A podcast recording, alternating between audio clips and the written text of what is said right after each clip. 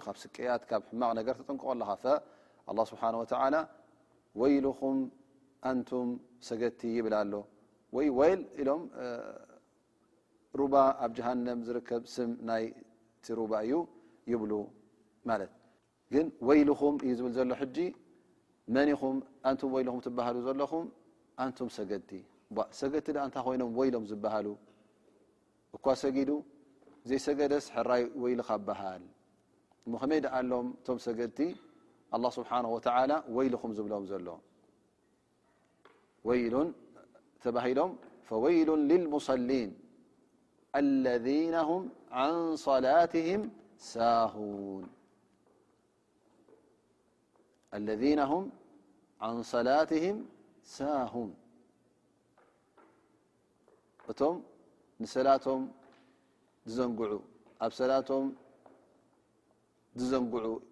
ይብለና ኣሎ ማለት እዩ እናሰገዱ ከለዉ ግን ሰላቶም ዝንጋዐ ኣለዎ ከመይ ዓይነት ዝንጋዐ ከመይ ምርሳዕ ዕለማ ነዚኣ ክልተ ሰለስተ ዓይነት ተፍሲር ትንተና ሂቦምላ ወይ እዚ ሰብ እዚ ነዛ ሰላት እዚኣ ከምቲ ኣላ ስብሓንሁ ወተላ ዝኣዘዘ ኣብቲ ግዜያታ ሰግዳ የለን ማለት እዩ ካብ ግዜኣ ከውፅኣ ይርከብ ወይ እውን ንኩላ ነታ ሰላት እውን ይገድፋን ይርሰዐን ማለት እዩ ፈዘን ሰላት ክሰግድ እየ እናበለ ከሎ ግን ነዛ ሰላት እዚኣ ሓንሳእ ሰግድ ሓንሳእ ገድፍ እናኾነ እዚኦም ሕጂ ኣላ ስብሓን ወተዓላ ወይልኹም ይብሎም ኣሎ ማለት እዩ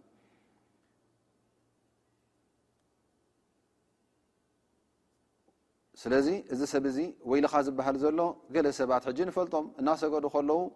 ኩሉ ግዜ የደናጉያ ወይ ከዓ መብዝሕቲ እዋኑ ኣብቲ ግዜ ኣታ ንሰግዳ ኣብ መጨረሻ ኣብቲ መጨረሻ ኣብ ኣኽር መጨረሻ ወቕታ ክትበፅሕ ከላ ሽዑ ክሰግዳ ትረኽቦ ወይ ውን ክሰግድ እንከሎ ካብቲ ዋጅባት ናታ ግቡኣት ናታ ገለ መሌታት እናጉደለ ከምቲ ኣላ ስብሓን ወተላ ዝኣዘዞ ገይሩ ኣየቁማን እንታይ ደኣ ገለገለታት የጉድል ገለ ሽሩጥ የጉድል ገለ ኣርካን የጉድለላ ሳልሳይ ውን ገለ ኣለው ሰባት ነዛ ሰላት እዚኣ ካብ ክሹዕ ወፅኦም እቲ ፍርሃት ረቢ ከም ግቡእ ኣብ ልቦም ከይሓደሮም ነቲ ቁርን ክቀርኡ ከለዉ ነቲ ስጁድ ገብሩ ከለዉ ከም ግቡእ ነቲ ክሹዕ ነቲ ፍርሃት ኣብ ልቦም ከየሕደሩ ዝሰግዱ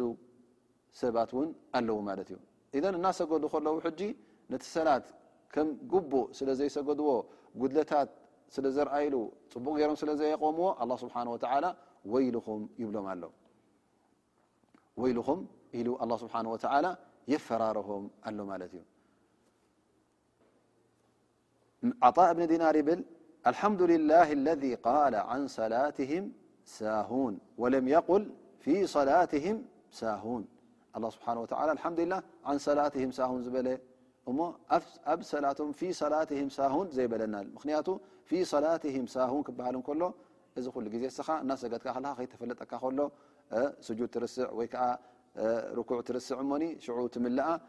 ስጁድ ሰሃው ጌርካ ትምልኣ እዚ ሕጂ ኣልሓምዱሊላህ ከምዚ ዘይኮነ ነዚ እሞ ኣላ ስብሓን ወተዓላ ድሓን ኢሉና እዩ ግን እንተ ደኣ ሎሚ ሰጊድካ ፅባሕ ደይትሰግድ ዝህሮ ሰጊድካ መቕሪብ ደይትሰግድ ዓስሪ ሰጊድካ ኣልዕሻ ደይትሰግድ እንተ ኮይንካ እዚ ንሰላት ተተራርፍ ኣለኻ ማለት እዩ ከምኡ እቲ ዘደናጉ ሰብ ኩሉ ግዜ ከምቲ ዝጠቀስናዮ ድማ እዚ ነቶም ሙናፍቒን ንዕኦም ይመስል ኣሎ ማለት እዩ ምክንያቱ ነቢ صለ ላه ለ ወሰለም እታ ሰላት ኣብ መጨረሻ እዋና ትስገድ ትኹብ ትኹብ ኣቢሉ ዝሰግዳ እንታይ ኢሎም ጠቂሶማ ነቢ ስ ሰለም ትልካ ሰላት ሙናፍቅ ትልካ ሰላት ሙናፍቅ ትልካ ሰላት ሙናፍቅ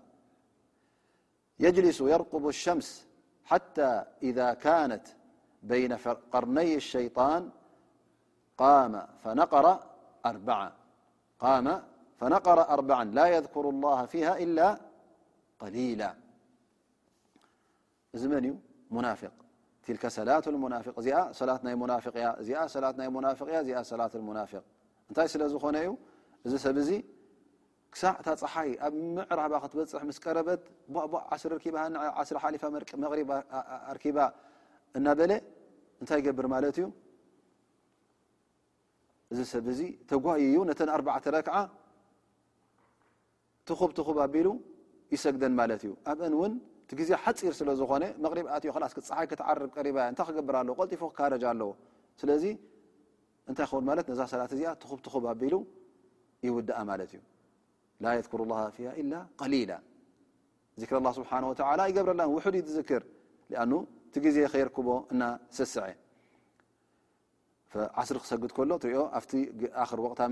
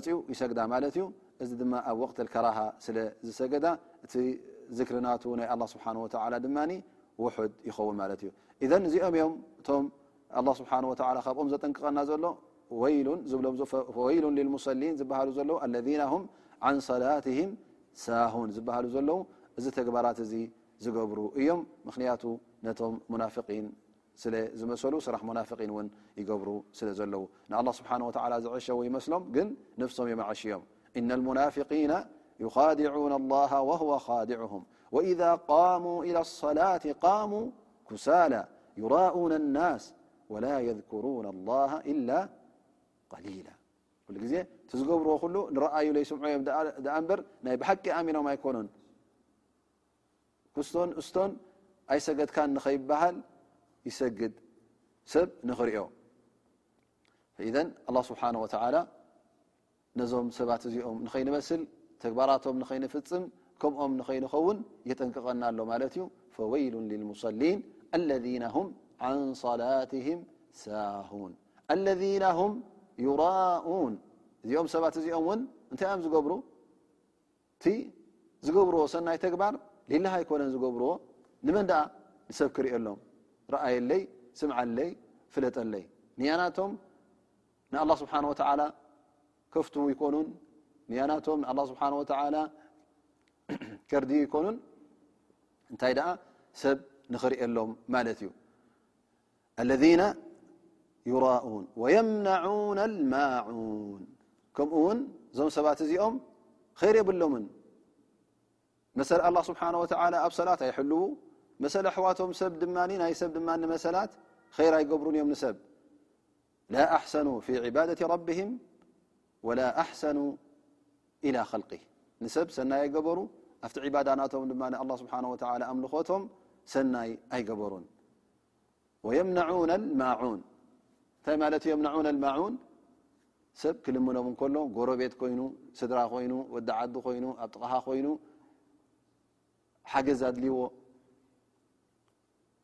ወላ ድስቲ ሃበኒ ፋስ ሃበኒ ዝኾነ ይኹን ኣድልዎ ሃበኒ ኢሉካ ንስኻ እምቢ ኢልካ ክትመልሶ እንከለኻ ተንፀርፅረሉ እንከለኻ እቲ ዘለካ ርዝቂ እቲ ዘለካ ክእለት ሓቢእካ የብለይ ክትብሎ ከለኻ እስኻ ሕጂ እንታይ ካ ትገብር ዘለኻ ግብሪ ናይቶም እከያት ትፍፅም ኣለኻ ማለት እዩ ንዕኦም ክትመስል የብልካን ኣላ ስብሓን ወተላ እዞም ክሓቲ እዮም ከምዚ ዝገብሩ ተግባር ናይ ክሓቲ ለذና ዩከذቡና ብዲን እቶም ብዮም ቅያማ ብሓቂ ዘይኣምኑ ንሶም እዮም ከምዚ ዓይነት ተግባራት ዝገብሩ እቶም ሙናፍቒን እቶም ሰብ ርኣዩለይ ጥራይ ዝብሉ ስለዚ ኣሕዋተይ እንተ ደኣ ጎረቤት ኣለውኻ ኮይኖም እንተ ቤተሰብ ኣለውኻ ደቂ ዓድኻ እሞ ዝኾነ ይኹን ኣቕሓ ኣድልዎም ካብ መርፍእ ጀሚርካ ክሳዕ ወላ ማሕረስ ይኹን ወላ ውን ድስቲ ይኹን ዝኾነ ይኹን ኣብ ገዛ ዝርከብ እንተ ሃበና ኢሎምኻ እሞ ስኻ እንተ ዘይትጥቀመሉ ኮይንካ ኣብቲ ሶም ክጥቀምሉ ሓሲቦም ዘለዉ ክትኣቢ የብልካ ክትህብ ከለኻ ድማ እቲ ዋህባ ናትካ ንኣጅሪ ክኸውን ኣለዎ ንኣላህ ስብሓን ወተዓላ ፈቲኻ ሪዳ ኣላህ ስብሓን ወተዓላ ደሊኻ ክኸውን ኣለዎ ሰብ ክርእየልካ ኣይኮነን እንታይ ከይብሉኒ ኢልካ ኣይትሃብ እንታይ ከይብሉኒ ኢልካ እንተሂብካ ጥራይ እቲ ሰብ ንሰብ ኣፍቲኻ እሱ እዩ ትርፍኻ ማለት እዩ ሰብ ክፈትወልካ ጥራይ ግን ኣላህ ስብሓን ወተዓላ ክፈትወለይ እዚ ዝህቦ ዘለኹ እዚ ሰብ ክልቃሕ ከሎ ካባይ ዝኾነ ይኹን ኣቕሓ ክቦ ከለኹ ረቢ ክፈትወለይ ኢልካ እንተ ኢክላስ ጌርካ ልብኻ ኣንፅህካ እንተ ሂብካ ኣላ ስብሓን ወተላ ኣጅርኻ ክበካ እዩ ኣይጋደፈካን እዩ ስለዚ መሰል ናይቶም መሳኪን ሓሉ መሰል ናይ ጎረቤት ናይቶም ኣሕዋትካ ኩሎም ዘድልዮ ሰብ ር ግበሪኻ እያ ትብል ዘላ እቲ ር ተግባራት ኩሉ ግብሪ ምእመናን ከም ዝኾነ ግብሪ ሙእምኒን እቲ እከይ ተግባር ድማ ግብሪ ክሓቲ ከም ዝኾነ እዛ ሱራ እዚኣ ኣብሪሃትልና ማለት እዩ ናይዛ ሱራ እዚኣ በዚ ንድምድም እን ሻ ኣላህ ኣፍታ ድሕሪኣ ዘላ ሱራ ሱረት ቁረይሽ ንኣቱ ማለት እዩ ሱረቱ ቁረይሽ እዛ ሱራ እዚኣ ብስም መን ተሰሚያ ማለት እዩ ብስም ቁረሽ እሶም ድማ እቶም ኣብ መካ ዝነበሩ ህዝቢ ዓረብ ቁረሽ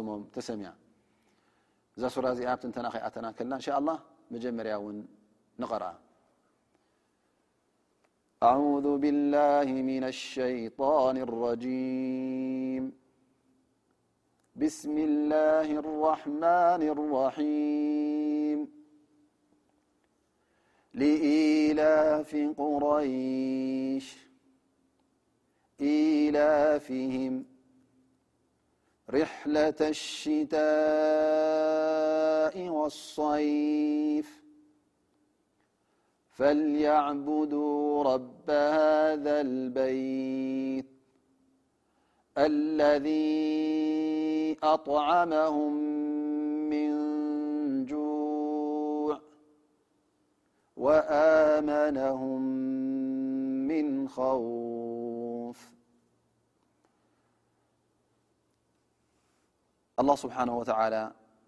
ኣብዛ ሱራ እዚኣ ንቀቢላ ቁሬሽ ንህዝቢ ቁሬሽ እቶም ኣብ መካ ዝነበሩ እቶም ነቢና ሙሓመድ ሰለላሁ ዓለይሂ ወሰለም መጀመርያ ንዕኦም ንኸጠንቅቕ ንዕኦም ንኽሕብር እተላእከ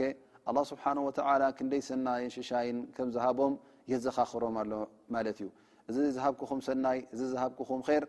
ተጠቐምሉ እሞ ኸዓ ተጠቒምኩም ድማ ንዓይ ኣመስግኑ ብኣይ እመኑ እዩ ዝብሎም ዘሎ ማለት እዩ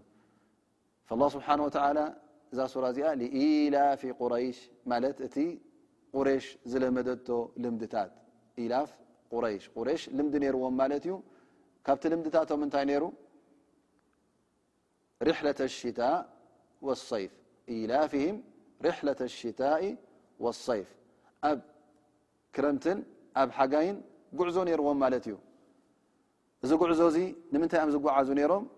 ምእንቲ ትጃራ ንኽገብሩ ንግዲ ስለ ዝነበሮም እዞም ሰባት እዚኦም ካብ ትዓዲ ካብ መካ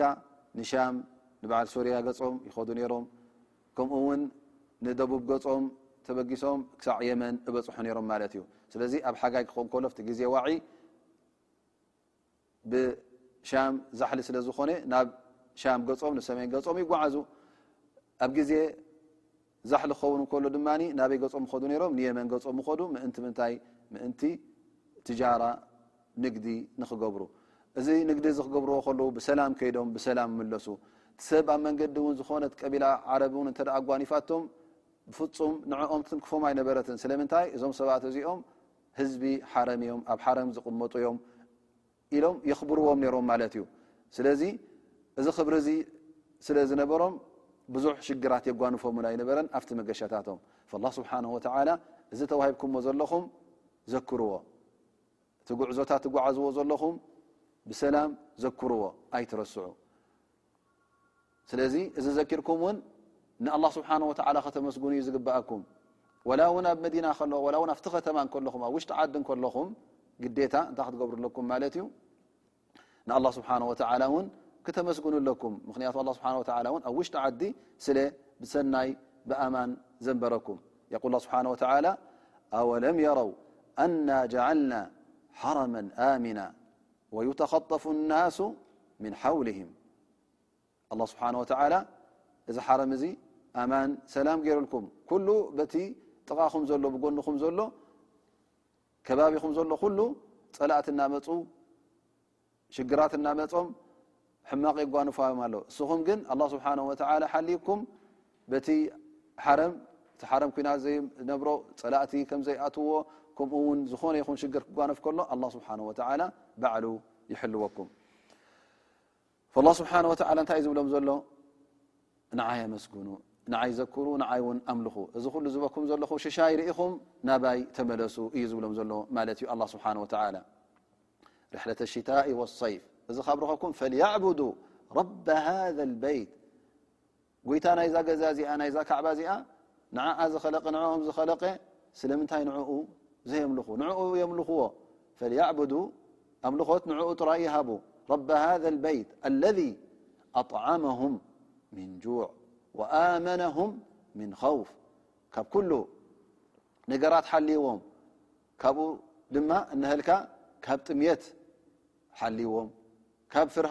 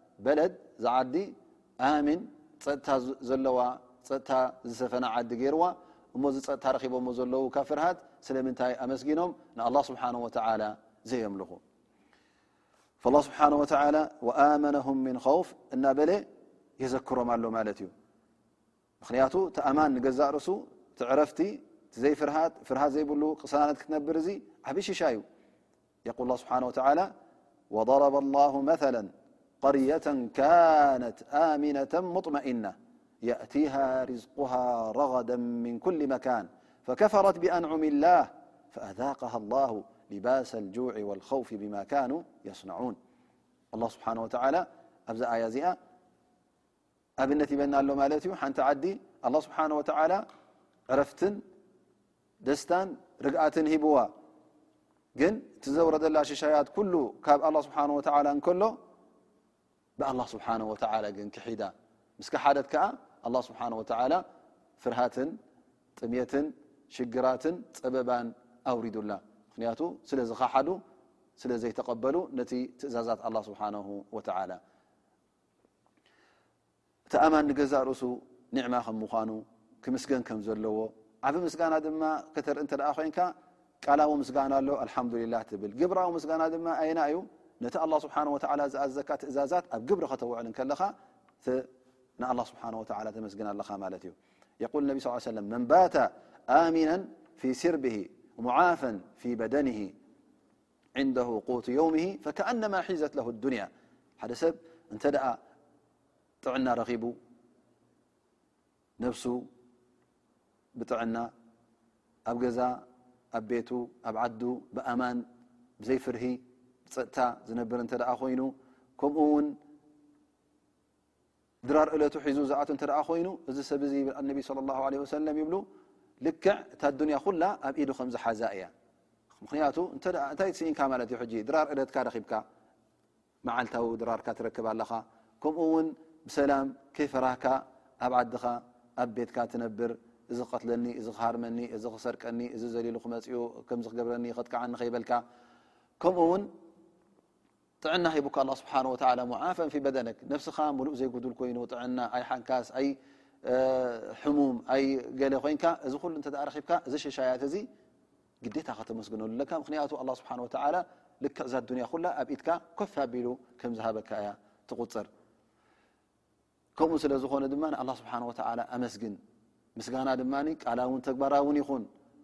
ብኣፍካ ጥራይ ኣልሓምዱላ እኹል ኣይኮነን እወ ኣልሓምዱላ ወሽክሩ ላ ንኣ ኣመስግን ላ ኣመስግን ኣለኹበል ኣብ ርእሲኡ ድማ ካብቲ ምስጋና ድማ እንታይ ከተርኢ ኣለካ እቲ ኣላህ ስብሓን ወተዓላ ዝኣዘዘካ ተማእዘዝ እሱ እንድዩ እዚ ኩሉ ሰናያት ሂቡካ እዚ ኩሉ ኸይራት ሂቡካ እዚ ኩሉ ሽሻይ ሸሽዩልካ እዚ ኩሉ ኒዕማ ሂቡካ እሞ እሱ እዚ ኩሉ እናገበረካ ከሎ ስለምንታይ ትእዛዙ ተዕብር ቃሉ ተዕብር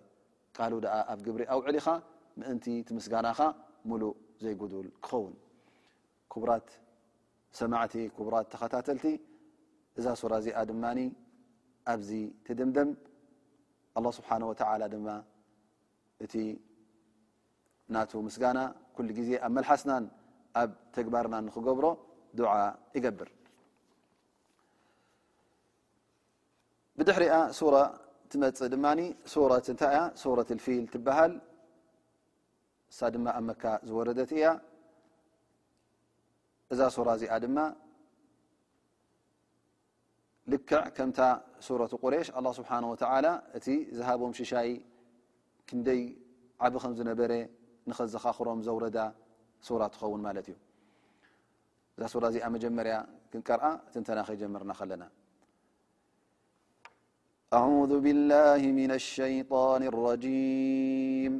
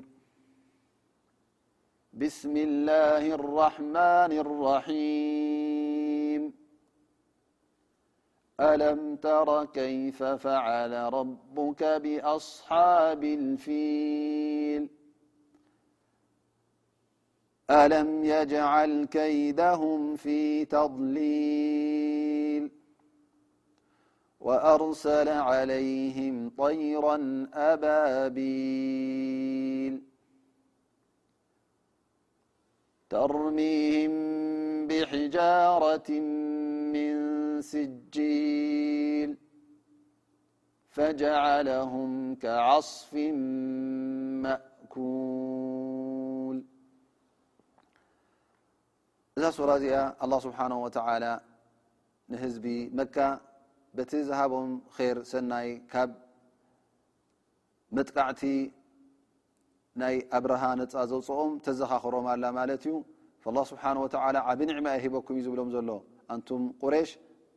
ንዓኹም ሂበኩም ዘለኹ ኒዕማ ቀሊል ኣይኮነን ካብቲ ዝሃብክኹም ኒዕማ ድማ እነሀ ታሪክ ናይ እቶም መካ ንኸፍርሱ ዝመፁ ኣላ ስብሓን ወተላ ድማ ባዕሉ ዘህለቆም ታሪክ እውን የዘኻኽረኩም ኣለኹ ኢሉ ኣላ ስብሓን ወተላ የዘኻኽሮም ኣሎ ማለት እዩ ዛንታ ናይ እዞም እዚ ሓርማዝ ንመካ ዝመፀ ንኸፍርስ ምስ ኣብርሃ ብሕፅር ዝበለ ክንገልፆ እንተ ኮይና ኣብርሃ ዝበሃል ናይ ንጉስ ናይ ሓበሻ ኣብ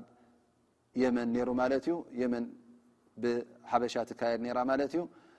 ሕጂ እዚ እንታይ ይገብር ቤተ ክርስትያን ኣብ ሰንዓ ሰሪሑ እቶም ንመካ ከይዶም ንግደት ዝፍፅሙ ሓጅ ዝገብሩ ዘለዉ ናብ የመን መፅኦም ንክሕጅጁ ፀዋውዒት ገይሩ ማለት እዩ እዚ ምስ ተሰምዐ እቶም ቀባኢል ኣብ መካ ዝነበሩ እቶም ናይ ዓረብ ኩሎም እዚ ነገር እዚ ደስ ስለ ዘይበሎም ስለ ዘይቆጥዖም ብጣዕሚ ኣሸጊርዎም ነይሩ ሕጂ እንታይ ተረኺቡ እታ ቁሌስ ትበሃል እታ ቤተክርስትያን ሰሪሑዋ ዝነበረት ሓደ መፅኡ ብለይቲ ነዛ ቦታ እዚኣ ነዛ ቤት ፀሎት እዚኣ የበላሽዋ ኣሎ ማለት እዩ ገለገለ ኣፍሪሱ ይበሃል ገለገለ ብቀልቀል ኮይኑ ብሕማቅ ነገራት ብነጃሳ ኣበላሽዋ ይብ ኣብርሃ ነዚ ምስ ረኣየ ብጣዕሚ ነዲሩ ተቆጢዑ ኣነ ነዞም ሰባት እዚ ከምዝገበሩ ክርእዮም ኢሉ መን ከምኡ ገይርዋ ኢሉ ምስ ተሓተተ ኢሎሞ ምናልባሽ እቶም ኣብ መካ ዝርከቡ እስኻ ኣብዚ ንግደት ንክገብር ምስ በልካ እሶም ንዕኦም ስለ እዚ ነገር እዚ ዝትንክፍ እሶም እዮም ዝኾኑ ምስ ተባህለ ንመካ ነታ ካዕባ ንኸፍርስ ተበጊሱ ማለት እዩ ተበጊሱ ጉዕዞኡ ካብ የመን ንመታገጹ መጺኡ ኣብ መንገዲ ዝጸንሕዎ ደው ክብሉ ወይ ከኣ ንዑ ደው ከብሉ ዝፈተኑ ንኹሎም ስዒሩ ጥቓ መካ ይበጽሕ ማለት እዩ። መካ ምስ በጽሐ ወይ ከኣ ኣብቲ ወሰናስን መካ ምስ በጽሐ ገና ከይኣተው እንከሎ ደው ኢሉ ሕጂ ይጽበ ማለት እዩ። እስኪ ጸውዑለይ መን ኣሎ ኣብዚ ዓዲ እዚ ኣብዚ መካ እዚ ዓቢ ሰብ ኢሉ ኣቡ ጣልብ ይመጽእ፣ እቶም ዓበይቲ ይመጹ፣ ኣብ መጨረሻ ንመካ ክኣቱ ከም ዝሓሰበ፣ ኩሎም ውን ንሕና ንዓኻ ደው ከነብለካ ኣይንኽእል ኢና፣ ግን እዛ ቦታ እዚኣ እዛ ቤት እዚኣ ጎይታ ኣለዋ፣ ጎይታኣ ክሕልዋ እዩ ኢሎም ይዛረብዎ ማለት እዩ፣ ኣነ ኸላስ ክፍትን እየ ኢሉ ንኽፍትን ይጅምር ማለት እዩ፣ እሱ ኸኣ ነቲ ሓርማዝ ነቶም ሓራምዝ ሒዞም ዝመጹ ክኣትዉ ምስ ንመካ ከእትዎ ምስ ደለየ እምቢ ኢሉ፣ ይኣቢ ማለት እዩ ተሰሓብዎ ተጎተትዎ ይኣቢ ማለት እዩ ብዝኩሉ ፈተነታት ገይሮም ኣብዎም ንየመን ክመፅዎ ተደለዩ ሕራ ይብል ንካልእ ቦታ ክወስዶ ተደልዩ ሱቅ ኢሉ ከይድ ንመካ ግን ምእታው ኣብዩ ኣብ መጨረሻ ኣላ ስብሓን ወተላ እዚ እናገብሩ ከለዉ እንታይ ኣዕዋፍ ሰዲዱ እዘን ኣዕዋፍ እዚአን ካብ ጀሃንም ሒዘንኦ ዝመፃ ወይ ከዓ ኣላህ ስብሓነሁ ወተዓላ ዝሃበን ኣእማን ደርብየን ነቲ ሰራዊት ኣብርሃ ሒዝዎ ዝመፀ ኩሉ ይቐትለኦ ማለት እዩ። ኩሉ ከዓ ረጊፉ ይመውት። እዛ ሱራ እዚኣ ሕጂ በዚ ተዘኻኽር እያ። ግን ሎማዓልቲ ግዜ ስለዝኣኸለና እንሻ ኣላህ ትንተና ናይዛ ሱራ እዚኣ ኣብ ዝመፅእ ዘሎ ደርሲ ክኸውን እዩ እዚ ግን ከም መእተዊ ተዛሪብናሉ ኣለና ማለት እዩ እቲ ትንተና ዳሕራይ እንሻ ኣላህ ኣብ ዝመጽእ ዘሎ ደርሲ ክኸውን እዩ ኣቁሉ ቀውሊ ሃዛ ወኣስኣል ላህ ስብሓነሁ ወተዓላ ኣን የንፈዕና ቢማ ሰሚዕና ወኣን ዩዓሊመና ማ የንፈዑና ክሳዕ ኣብ ዝመጽእ ዘሎ ደርሲ ንራኸብ እንሻ ኣላህ ብጽቡቕ የራኽበና እናበልኩ ሰላሙ ዓለይኩም ወራሕመቱላሂ ወበረካቱ